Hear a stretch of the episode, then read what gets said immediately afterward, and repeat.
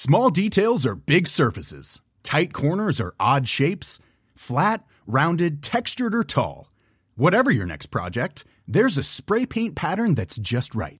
Because Rust new Custom Spray 5 in 1 gives you control with five different spray patterns.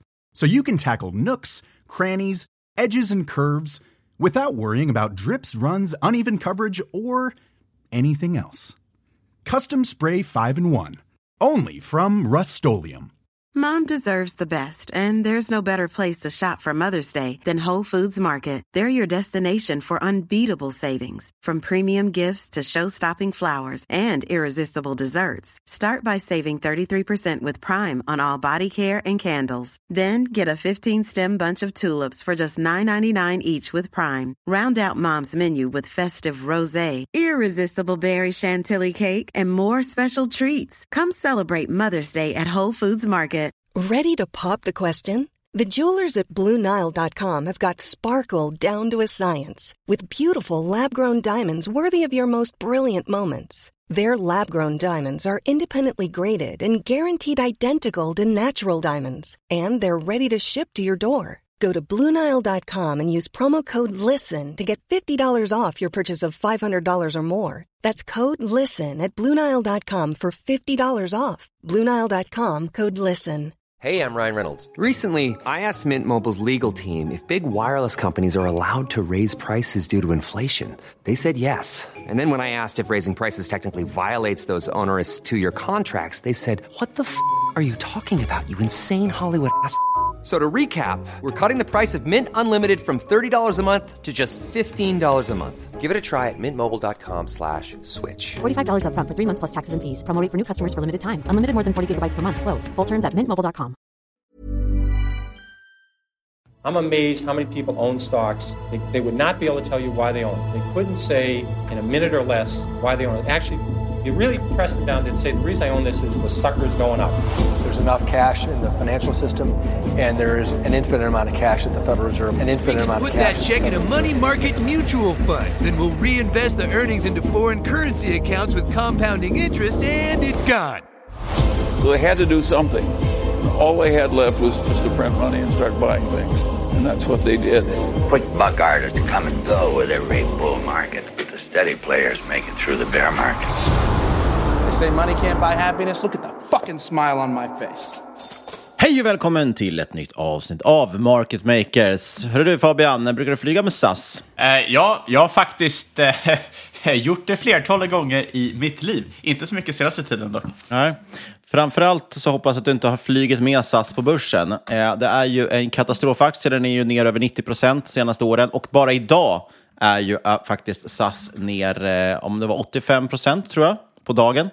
Eh, och Det är lite konstigt det här med SAS faktiskt, för att det har ju varit, vi är knappast de första podden att prata om SAS och vi ska inte bli långrandiga om SAS, men jag måste bara än en gång säga det, nu är det för kanske då lite för sent, men det är ju helt galet hur folk har kunnat hänga kvar i den här aktien med tanke på att det har varit sagt i flera månader nu att SAS kommer, att det kommer inte finnas något aktieägarvärde kvar överhuvudtaget i bolaget och att folk ändå har fortsatt att liksom köpa den. Nu ska ju bolaget avnoteras. Det var liksom slutliga, slutgiltiga spiken i kistan, så att säga. Eh, nyägare kliver in i form av bland annat Air France KML.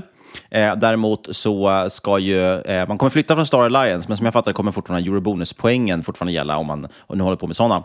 Eh, men det är helt galet. Antalet ägare av SAS hos till exempel Avanza är, alltså, har ju mång, mång, mång dubblat de senaste två åren. Ja, men... Trots att bolaget liksom har bara gått sämre och sämre. Och man har som sagt sagt flera gånger, och nu, nu citerar jag, det förväntas inte finnas något värde kvar för befintliga aktieägare i SAS. Och ändå har man fortsatt äga det här.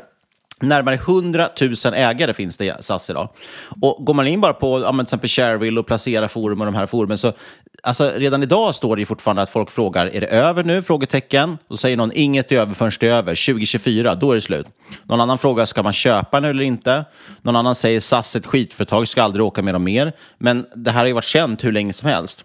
Eh, och folk frågar, kan de förklara vem är det som köper? Ska man sälja?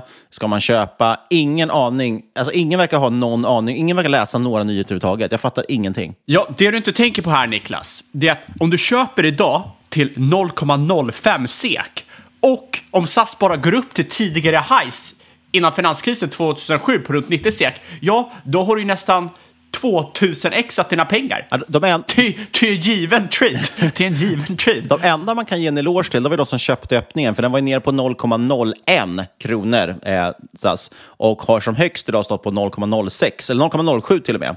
Så att eh, du kunde ju få, det är fler som har kunnat mångdubbla sina pengar här under dagen också.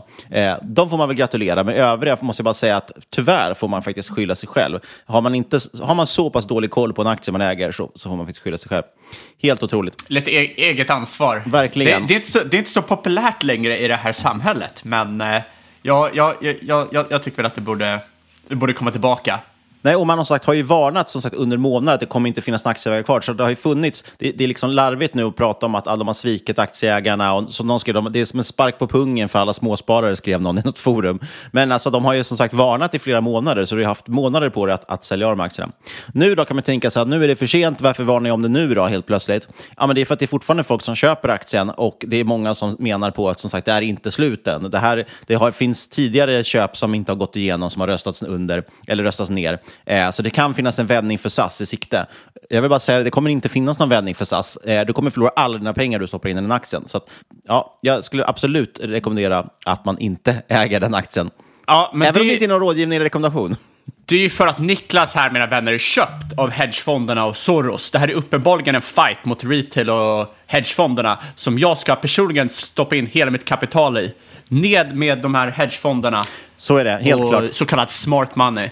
Men du, vad ska vi prata om idag? Jo, vi har ju, man ska försöka göra en liten segway här från eh, SAS. SAS kör ju på smutsigt bränsle, så därför ska vi fortsätta prata smutsenergi. Vi kommer prata kol, vi kommer prata uran, vi kommer prata eh, olja och mycket, mycket mer. Dessutom tror jag det blir lite guld också, va? Ja, exakt. Det blir liksom lite här allt om allt-avsnitt. Verkligen. Jag har ett litet case också på slutet som vi ska ta upp, lovar jag. Och Just jag ska, det, just och, det. Och lite skam också. Jag ska skämmas lite på slutet, så får ni, får ni hacka på mig om ni vill. Äh, det finns ingen skam här på börsen. Men jag vill återigen påminna om att vi har med oss vår huvudsponsor IG Markets, vilket vi är superglada för. Och är du trött på att handla börshandlade produkter i en plattform som inte utvecklar för trading, ja, då ska du kolla på IG, för IG är ju utvecklad för specifikt trading och ett superbra komplement till till exempel en lite mer buy and hold-portfölj.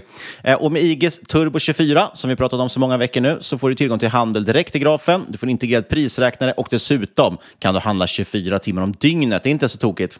Öppna ett ISK-konto hos IG idag. Ladda ner appen eller besök IG.com. Men kom ihåg att handel med finansiella instrument alltid innebär risker. Vi säger stort tack till IG Markets och vi vill som vanligt påminna om att ingen rådgivning eller rekommendation pågår här podden. Vi berättar om vår process och hur vi tänker, gör alltid din analys och glöm aldrig att alla investeringar är förknippade med Risk.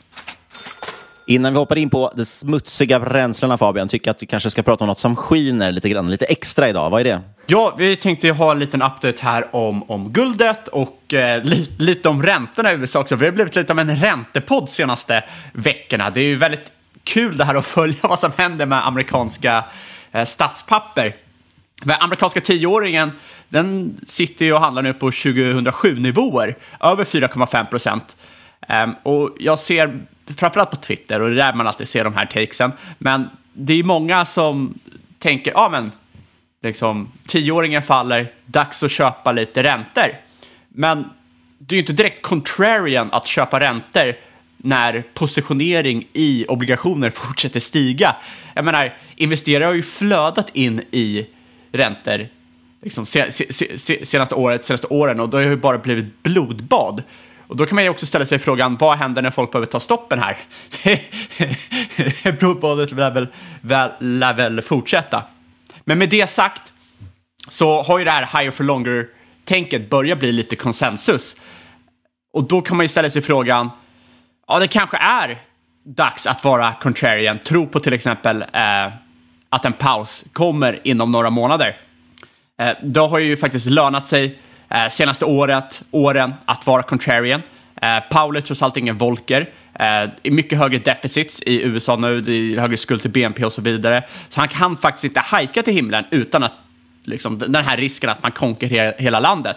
Jag har lite svårt att ställa mig här hur man, hur man riktigt bör agera, men just att det kommer komma en paus förr eller senare är väl rätt rimligt. Hur man ska handla obligationer och räntor, Eh, det tycker jag är lite svårare att, eh, att, att säga. Det som är intressant här är att eh, trots att realräntor stigit som mest, liksom, det mesta de gjort på 40 år, så har guld ej fallit lika mycket. Eh, guld har faktiskt lägre volatilitet än vad amerikanska räntor har. Och eh, vi pratar en del om guldet i Q1, eh, avsnitt 265, 276. Och jag ansåg väl att guldet och framförallt miners var lågvärderade. Eh, jag var inne en del och vevade lite i juniors, men det var liksom en relativt snabb in, ut, några väkter eh, och än så länge avvaktar jag.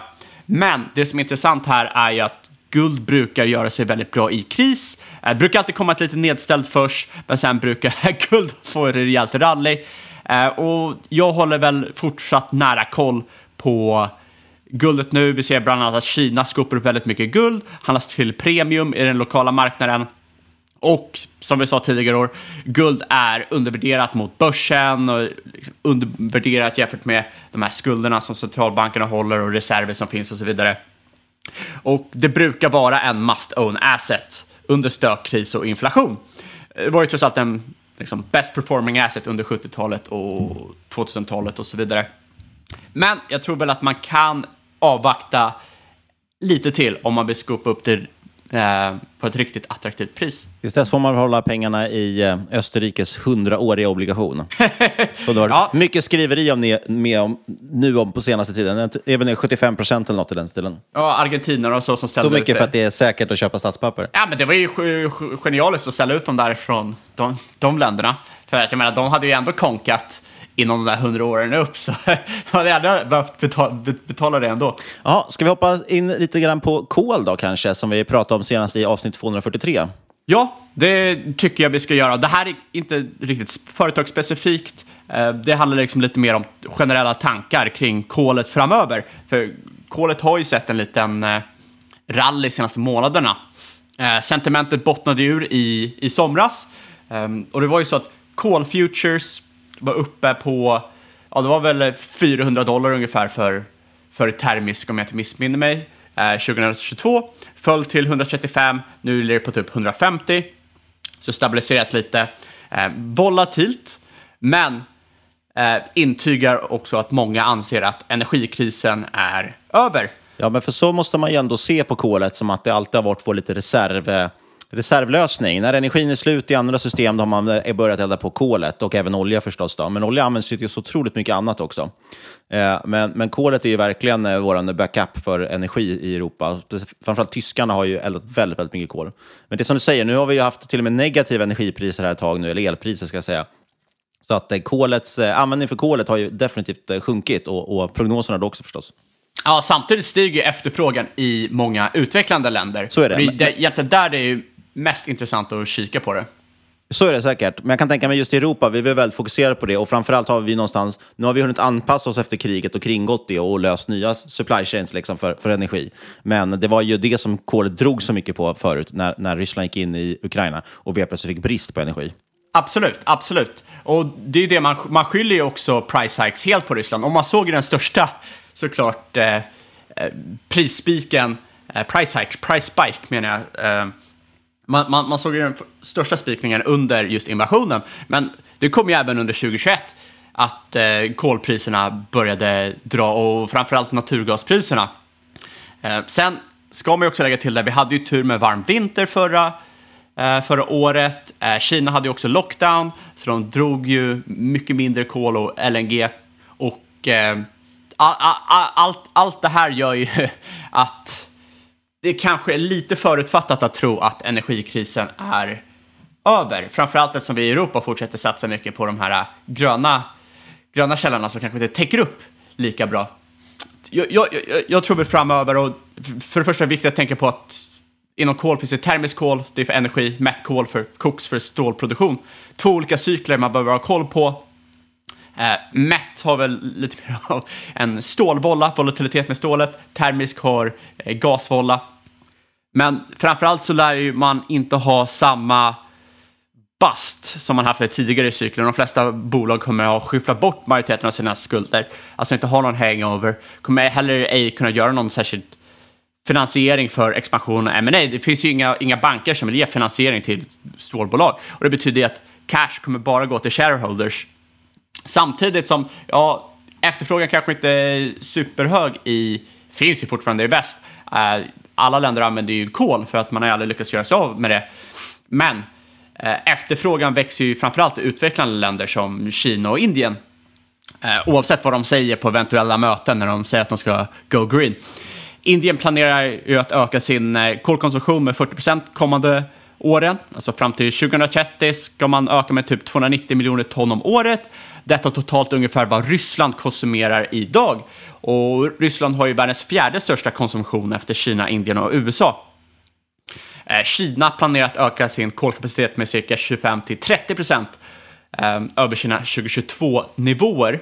Och bara den här ökningen är nästan lika mycket som hela Indien använder idag. Så det är stora efterfrågan, stor efterfrågan bara från de här två länderna. Och då ska man inte tänka på, liksom, eller då ska man inte glömma de här ännu fattigare länderna som såklart vill ha eh, Ehm, tillgång till världens billigaste energiform. Smutsig ja, billig också ja. För vad vill man ha i utvecklande länder? Ja, nummer ett är smartphone, eh, så man har lite roligt. Nummer två är moped, så man kan transportera sig. Och nummer tre är ju aircon, så man har, kan sova lite mysigt om nätterna. Och alla de här tre rimmar ju rätt väl med liksom, kol och med eh, lite mer smutsiga energiformer. Eh, trots de gröna mål, målen så är det ju alla de här länderna, det de bryr sig om, det är tillväxt, det är energisäkerhet, det är att befolkningen ska ha det bra. Och det kommer alltid väga tyngre än utsläpp och gröna mål, oavsett vad politiker säger på fina mässor. Så är det. Man vill ju först nå upp till samma nivå som vi har i eh, väst, så att säga, eller i, i länderna, eh, innan man kan börja fundera på att eh, växla om kanske till grönare energi. Ja, a, a, a, absolut. Och sen får man ju se hur övergången går, om det kommer bli eh, sol och vindkraft som tar över, eller om det blir som eh, början på 1900-talet. Det eh, var väl Henry Ford som sa, om jag hade frågat mina kunder vad de ville ha så hade de sagt en snabbare häst. Istället fick de en bil. Så att eh, när man har sådana här kristider ska man också inte underskatta eh, innovation och utvecklande. Och oftast kommer räddningen från ett håll som vi inte ens har liksom vet om i dagens, dagens värld. Eh, men i alla fall, jag tror inte att kol kommer fasas ut inom snar framtid. Ja, du kommer väl gå från typ masugn till elugn inom, eh, inom ståltillverkning och så vidare, men det kommer ta jag tror att det kommer ta decennier. Det är inte lika lätt som man, man säger det, eller man, man, man tror det är. Mycket är för att förnyelsebar el in, ah, det, det, är inte lika lätt att få upp temperaturer, få upp tryck och så vidare. Och fram tills dess så kommer kolbolagen vara som high yield-obligationer. Yielden kommer från buybacks och utdelning eh, genom det höga och stabila kassaflödet. Jag menar, det är inte ovanligt att du kan köpa de här bolagen till liksom en gånger eller två gånger kassaflödet, då är det rätt lätt att få en avkastning på det. Eh, och därmed så tror jag väl att det här kommer vara nästa generations tobaksbolag och jag tror jag sa det i förra avsnittet också. Och det kommer fortsätta vara det framöver. Vi snackar väl kanske en... Det vore inte orimligt om man kan generera en 20% avkastning per år med tobaksbolagen. Eh, och framförallt kommer det vara en fin hedge mot dumdristig energipolitik och kasskapitalallokering och så vidare. Eh, och ja, det finns väl risk för profit tax som man sett för oljebolagen, men det hade ju tobaksbolagen också. De hade ju eh, sina så kallade tobacco bonds, och det var en settlement till delstater där de, som betalas ut i perpetuity, alltså i all oändlighet, och är helt enkelt en del av vinsten. trots det så var tobaksbolagen liksom bäst presterande aktierna under 1900-talet. Och det är för att låg värdering och buybacks eh, ger riktigt, riktigt, riktigt bra avkastning över tid. Eh, sen så är det såklart, det är inte lika, as, liksom, lika stor asymmetri här som i eh, till exempel K, eh, som i till exempel uran eller i offshore, i alla fall enligt mig. Eh, jag förstår helt ironin här eh, med att vissa kolpicks från 2022 har outperformat både mina offshore och uranpicks i år. Eh, men det är väl, man ska väl se över en lite längre horisont än bara några månader. Men det, det avhandlar väl liksom lite mina tankar framgent kring, kring kolet. Eh, men på tal om uran och eh, offshore. Pullbacken i uran kom som ett brev på posten. Eh, intressant här är att eh, trots mycket liksom, kött på eh, Eh, och snack på Fintwit eh, om uran senaste veckorna och senaste månaderna så kikar man på ETF-erna så har det inte varit några särskilda inflöden. Och det tycker jag är rätt intressant. De har inte ens tagit ut 2022 highs. Eh, Så jag adderar på pullbacks här. Eh, och något jag missade också är att Jock har ju tagit en position i uran via CCJ, alltså eh, Cameco. Och han brukar ju vara rätt bra på att rida trender. Det tycker jag är rätt, eh, rätt intressant här. Sen har vi också fått, liksom, om man hoppar över till oljan, lite nyheter från eh, Permian Basin, det vill säga USAs största shale-källa. Och det är att shale börjar rulla över. Eh, IEA-data, så är det International Energy Agency, de kommer ut med data att eh, Permian-produktion är negativ och då ska man påpeka här att liksom, Permian har stått för 90 procent av den globala tillväxten i oljeproduktion de senaste tio åren. Och det har ju utan tvekan hjälpt till att hålla nere inflationen. Och minskad shale ger också Saudi och Ryssland mer makt. Eh, och risk också att det finns en eh, liten eh, uppsid, risk här för uppsiderisk i, i olja. Men en, en viktig sak här att lägga lite extra tryck på att vi fortsätter ju se liksom rig count minska världen över. Ingenting, ingenting som byggs och det innebär att man inte kan pumpa mer olja än vad man redan gör. Och det visar sig att kapitalintensiva industrier så spelar det ju cost of capital roll. Det vill säga högre olja, idag cirka 90 dollar, kompenserar inte nödvändigtvis för inflationen eh, som innebär högre funding costs. Så den intressanta frågeställningen här ju, är ju om energi skapar inflation, innebär det då att vi kommer se en värld där högre ränta är inflationärt? Eftersom med högre ränta kommer du inte vara villig att bygga och då kommer du inte kunna producera mer energi. Det är en intressant frågeställning här över, för det går ju helt emot den traditionella vyn på ränta versus inflation. Eh, men lyssnar man på, och vi har pratat om det här rätt mycket senaste, senaste året, men liksom lyssnar man på offshore-vd, VDR den här cykeln så what you see is what you get. Eh, även om man vill bygga nytt är det liksom 4-5 år bort. Eh, eh, om man lyckas övertala en shipyard att faktiskt bygga, vilket de inte riktigt vill göra för de blev så jäkla brända förra cykeln. Så liksom de här riggarna, det är ju liksom så här, de som pumpar olja, det är ju som Kuba. Eh, riggarna är amerikanska bilar och det går att byta ut delar och så, men du kan inte få in, kan inte få in med några nya bilar.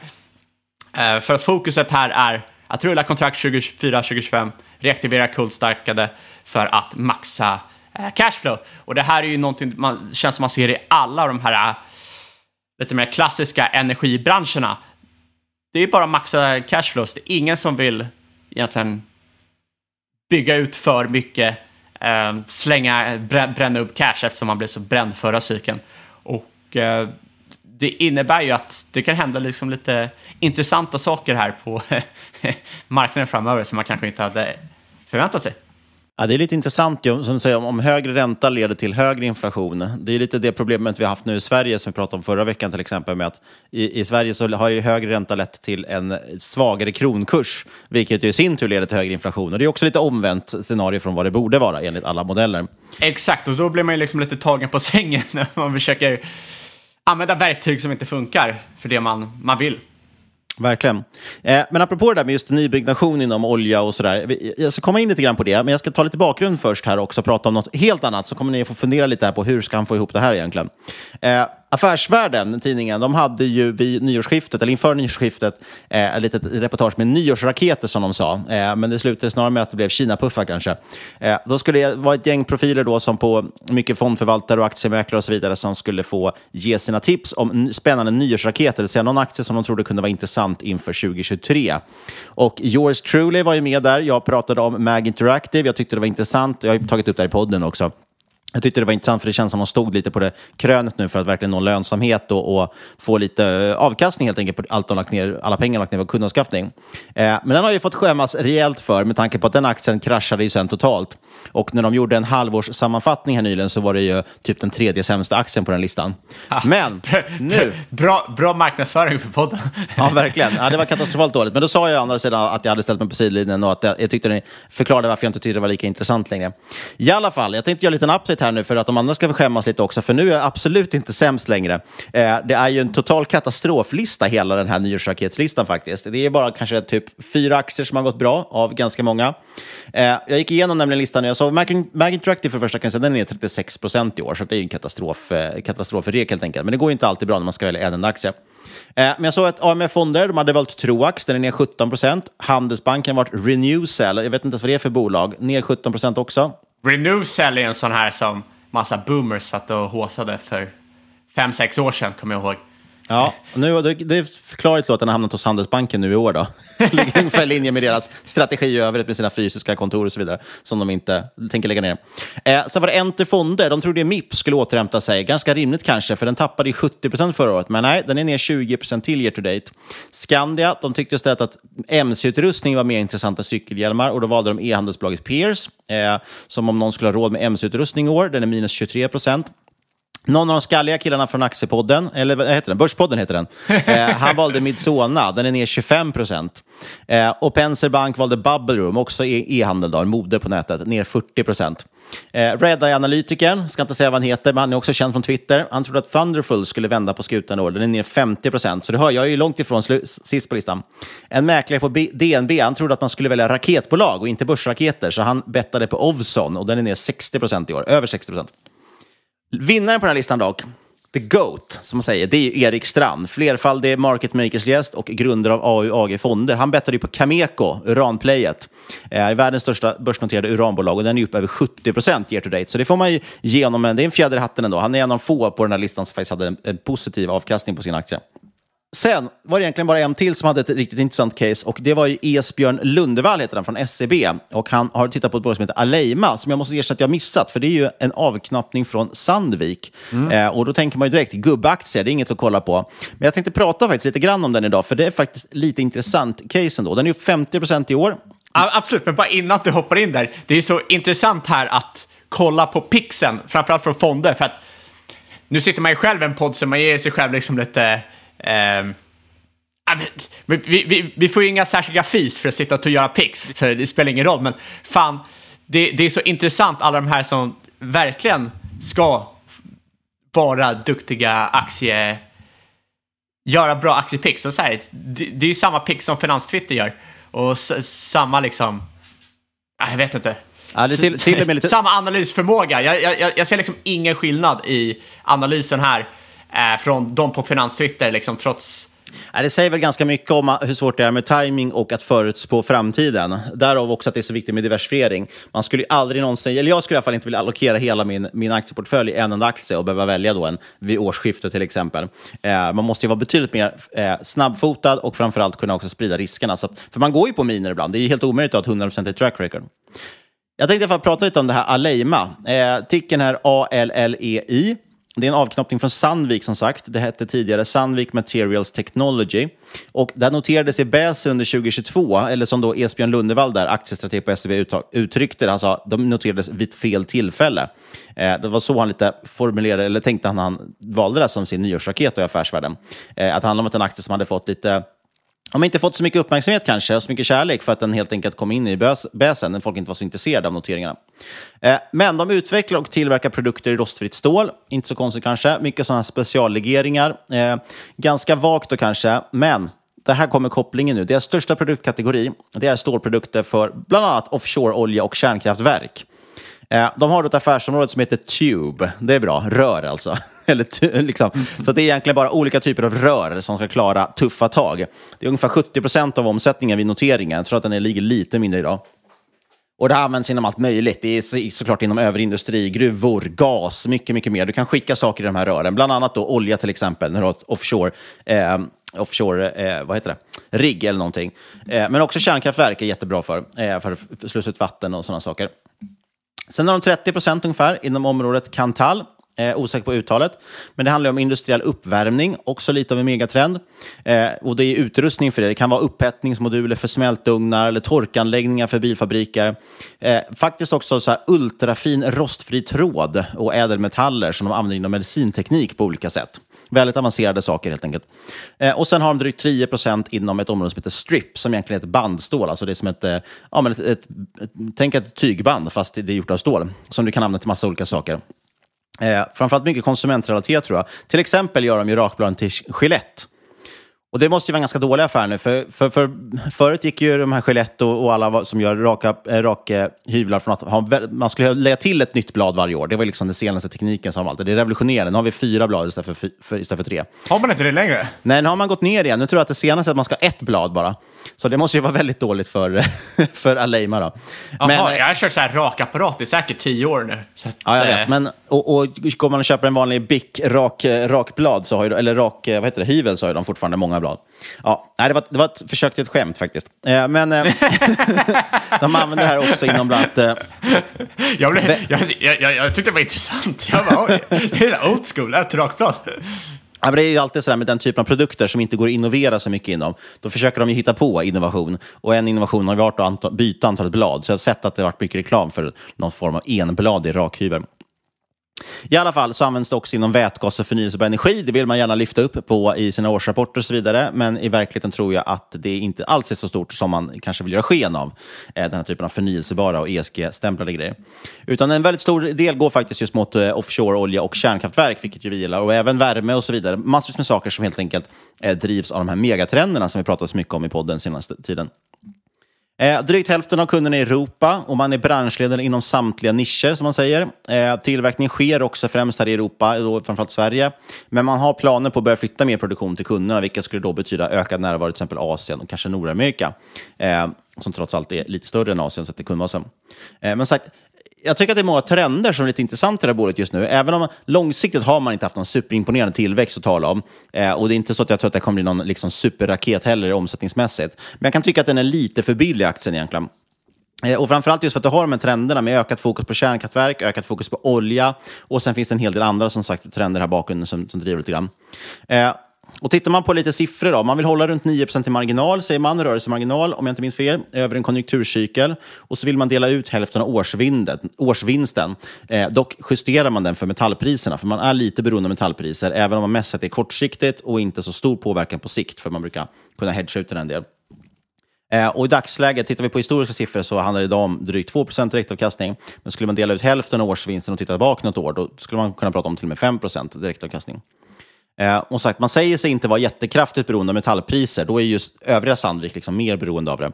Eh, men det slår ju till viss del kortsiktigt eh, och där att man då justerar resultatet något för det. Eh, men något som har större påverkan är faktiskt valutan. Och där säljer man ju framförallt i dollar och euro, vilket också är intressant. Och det förklarar ju kanske den starka vinst som man haft. Eh, och vi har ganska mycket fonder på ägarlistan, men störst ägare också Industrivärden och Lundbergföretagen. Eh, och den senare där, Lundberg, köpte ju aktier för ytterligare 140 miljoner här bara för någon månad sedan, så de verkar gilla det här. Och jag hittar även, det här är lite intressant, syns inte på största ägare, men man tittar på Avanza har en smidig funktion för att se eh, vilka fonder som har stor andel av fonden i, eh, i, eh, eller har den här aktien i sin fond. Och då Protean Select är ju en eh, Twitter-kändis, ju, Stockpicker, som driver den fonden. Väldigt bra fond, eh, säger många. Den har inte levererat kanske någon superspännande avkastning än, men man, han är en väldigt duktig eh, analytiker. ja, men den har ju inte det, vad ska jag säga då? han är fortfarande en väldigt duktig och intressant analytiker. Eh, ja, och hans... Att vara bra analytiker känns ju som det är många. Det är få som är bra investerare. ja, vi får se. Jag, jag, tror att de kommer kunna leverera ja, tid, alltså, jag, jag, jag, jag, följer inte honom, så jag vet inte. Nej. Men alltså, jag bara menar rent, rent, rent allmänt, det är väldigt svårt att över skicka över bra analysförmåga till att vara bra investerare. Så kan det vara. Han har ju varit eh, fondförvaltare innan tror jag. Och deras problem tror jag snarare är att det är en småbolagsfond. De är en nischad småbolagsfond och de eh, eh, lanserade ju fonden ganska exakt när småbolagen totalt havererade. Så det är väl mer en, en timingfråga där. Jag tror att på sikt så kan det där vara en väldigt intressant fond faktiskt, utan att vara sponsrad av dem på något sätt. Eh, men de har i alla fall den fonden på hos Avanza åtminstone som har störst andel av sin fond i det här bolaget. De har 2% av fonden investerad i, i det här bolaget. Eh, och Q2, Q2 kom nu i slutet på juli. eh, var hyfsat positiv tycker jag. 18,5 procents omsättningsökning, det är väldigt starkt. Även resultatet växer tvåsiffrigt. Och man säger just, det här är lite intressant, man säger just att man sett ganska blandad efterfrågan. Men de här megatrenderna som man pratar om räddar upp situationen. Man ser att det är så pass tillräckligt stor eh, efterfrågan just från till exempel kärnkraftverk, eh, energi, eh, värme, eh, olja och så vidare som gör att även om då liksom industrin kanske sviktar lite grann och konjunkturen känns svag så kompenserar det upp och levererar då ändå som sagt nästan 20% omsättningsökning. Det tycker jag är ganska intressant. Eh, och nästa rapport kommer rätt snart, 24 oktober. Tittar vi tillbaka på rullande 12, alltså på historiska siffror, så handlas det i dagsläget i P11. Och jag kan tänka mig att på nästa år så ligger vi kanske på P8 i bästa fall, kanske snarare P9 rimligt. Eh, sen ska väl inte det här vara jättedyrt. Det är ju en ganska stor ESG-rabatt skulle jag säga på det här. Det gillar man ju förstås, men det betyder ju också att det kommer inte uppvärderas liksom, till P15 snart. Och Avanza till exempel, de flaggar ju upp på sin sida för hållbarhet för att bolaget har intäkter från just kärnkraft, olja och gas. Sen gillar de inte heller att styrelsen och anställda är 70-80% män också. Så det är ju det är en stor minus i kanten. Eh, som sagt, så det är nog lite ESG-rabatt på det här. Skulle man kunna få till att kärnkraften inte är ESG-klassad, att den blir ESG-klassad, eh, så skulle det ju lätt kunna handlas till P15 istället, det här bolaget. För det är ändå liksom någon form av kvalitetsbolag liksom, som, kommer hålla, som håller väldigt hög kvalitet i sina produkter, men också eh, ett bolag som har levererat väldigt bra historiskt. Så jag tycker ändå att det är lite intressant. Jag äger inga aktier i dagsläget, men jag tycker att det var ett intressant pick. Betydligt bättre än Mag Interactive i alla fall, för den här tävlingen. Ja, alltså, nej, men det är ett intressant bolag. Den enda risk, alltså, risken jag ser här är att P11 är på peak earnings. Och det betyder att framgent kommer det vara, se mycket dyrare ut. Eh, för vi ser ju bland annat att PPI faller snabbt nu, det vill säga priset inhemska producenter får för sin output, eh, löneinflationen laggar och så vidare. Och eh, dessutom har vi, liksom, vi har ju sett en stark uppgång i många industrial senaste tiden. Och framförallt har ju det här varit liksom följt av eh, covid och supply chain problem och så liknande, bottlenecks de har ju stort man har tryckt fram efterfrågan, eh, flera års efterfrågan på typ ett år. Eh, dessutom har man ju haft den här liksom, liksom double whammy med en, med en svag SEK som nu kanske vänder och eh, då är väl att risken här att det kanske blir en rätt tung bullwhip-effekt åt andra hållet och att orderböckerna börjar blöda framgent. Ja, så är det absolut. Är, är det liksom precis här kronan bottnar så är det ju ganska dålig trade, för de har gynnats mycket tror jag, euron och dollarn. Eh, och som du lite var inne på tidigare också, man kanske inte bygger så pass mycket nytt genom olja, utan snarare försöker kapitalisera på det man har. Men det kan ju vara så att de säljer mycket till det ändå. Kärnkraft däremot är rätt intressant med tanke på att vi kommer de här nu små, små reaktorerna vill man ju satsa på, modulära reaktorer. Såg senast veckan att eh, Microsoft gick ut och sa att, eh, eller de hade annonser ute nu för eh, kärnkraftsingenjörer. Så de ska satsa på sin egna kärnkraft för att kunna driva datorhallar och så vidare. Kanske sätta då ett liksom modulärt kärnkraftverk utanför en datorhall till exempel. Eh, så det är ändå intressant. Men jag har varit lite förvånad just över att det här bolaget hade eh, så mycket exponering mot den typen av marknader. Eh, det förvånar mig lite grann. Jag trodde det bara var ett rent industriplay och då hade, tycker jag, konjunkturen, som du säger, inte så jätteintressant. Även om man kan argumentera för att i USA ser det betydligt mycket bättre ut. Eh, ja, Asien är väl svårt att säga något om, men men eh, ja, i alla fall ett ganska intressant bolag och, och, betydligt billigare än vad jag tycker att det kanske borde vara. Men det är absolut ingen screaming buy som säger. Det är ganska osäkert. Så man kan ju absolut vänta in i alla fall den här rapporten som kommer 24 oktober. Kika lite på den för det första. Ja, det är mycket, liksom, Q3-rapporten är runt hörnet. Eh, jag tänkte först snacka lite om fastigheter den här veckan, men så tänkte jag att man kan lika gärna vänta in de rapporterna så får man, istället för gammal data får man ny data. Verkligen. Och med det ska vi väl avsluta dagens avsnitt tror jag. Det är lite kortare än vanligt kanske, men det kan vara skönt det också. Ja, men det är bra att få en liten paus. Ja, och vi spelar in det här 4 oktober ska till Det är kanelbullens dag, så vi måste ju få lite tidig, tidig dag här så vi kan gå och äta kanelbullar också. Exakt. Som vanligt ska vi påminna om att det inte är någon rådgivning eller rekommendation. Alla åsikter var rena eller gäst och inte sponsorer tar inget ansvar för det som sägs i podden. Tänk på att alla investeringar är förknippade med risk och sker under eget ansvar. Och jag tror inte att vi har pratat om något bolag vi äger idag faktiskt. Eh, vi vill rikta ett stort tack till IG Markets, vår sponsor. Gå in på ig.com och ladda ner deras app om du vill kika in en seriös tradingplattform. Kontakta oss på podcast at marketmakers.se eller på Twitter och eh, eucaps at marketmakerspod. Och sist, men absolut inte minst, kära lyssnare, stort tack för att just du har lyssnat. Vi hörs igen om en vecka.